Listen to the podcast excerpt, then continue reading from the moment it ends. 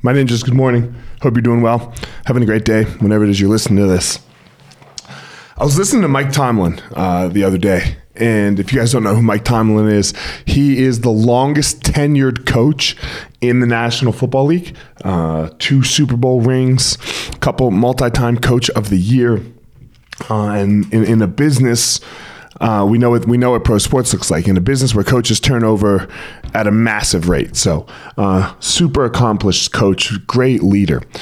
And I was listening to what he was saying the other day, and, and, it, and it really struck me. And it, uh, he's like, "Look, it's not what you're capable of doing; it's what you're willing to do."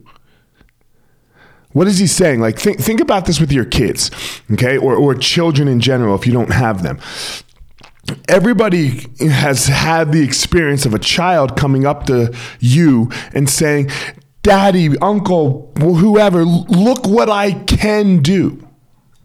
Right? Look at what I'm capable of and in no fault uh, is is this is this a fault of the child, right? Um, that they are not willing to do more to to keep going, right? Because they're children, they're not supposed to.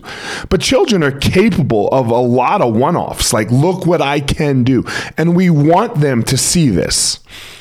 But as we age, it beca- and we become adults and we have responsibilities, it becomes so much less about what we're capable of doing and so much more about what you're willing to do in each and every moment to get the things that you want. I don't care what you're capable of, and you shouldn't care what you're capable of if you're not getting the results you want because you're not now willing to do and work at your highest capability. You you just want to, you know, work at a 50% clip, a 60% clip.